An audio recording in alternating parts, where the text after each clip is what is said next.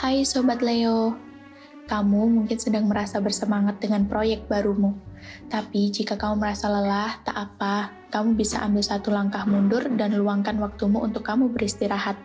Mungkin akan ada kejadian yang tak terduga dan bisa sedikit mengganggumu. Jangan memaksakan orang lain untuk sependapat denganmu ya. Berikan waktu sejenak untuk orang lain berpikir tentang maksudmu dengan cara kamu bisa mulai membicarakan itu di lain hari.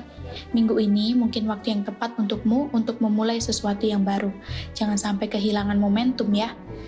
Tapi ingat, jangan terburu-buru. Kamu perlu hati-hati dan bijak dalam melakukan sesuatu. Tentang keuanganmu, tetap optimis dalam mencari cuan. Segala kesulitan bisa dilalui dengan mudah jika kamu optimis. Tetap semangat ya Leo. Percintaan Leo Lovebird. Kalian sedang kompak ya? Kompak dalam memahami kesibukan masing-masing. Sampai-sampai kalian juga kompak dalam menutupi rasa cemburu kalian. Bahagia terus ya Leo Lovebird. Untuk sobat Leo yang masih single, akan sulit mengungkapkan jika kamu kurang suka terhadap sosok ini. Tapi tak apa, ungkapkan saja, jangan ghosting.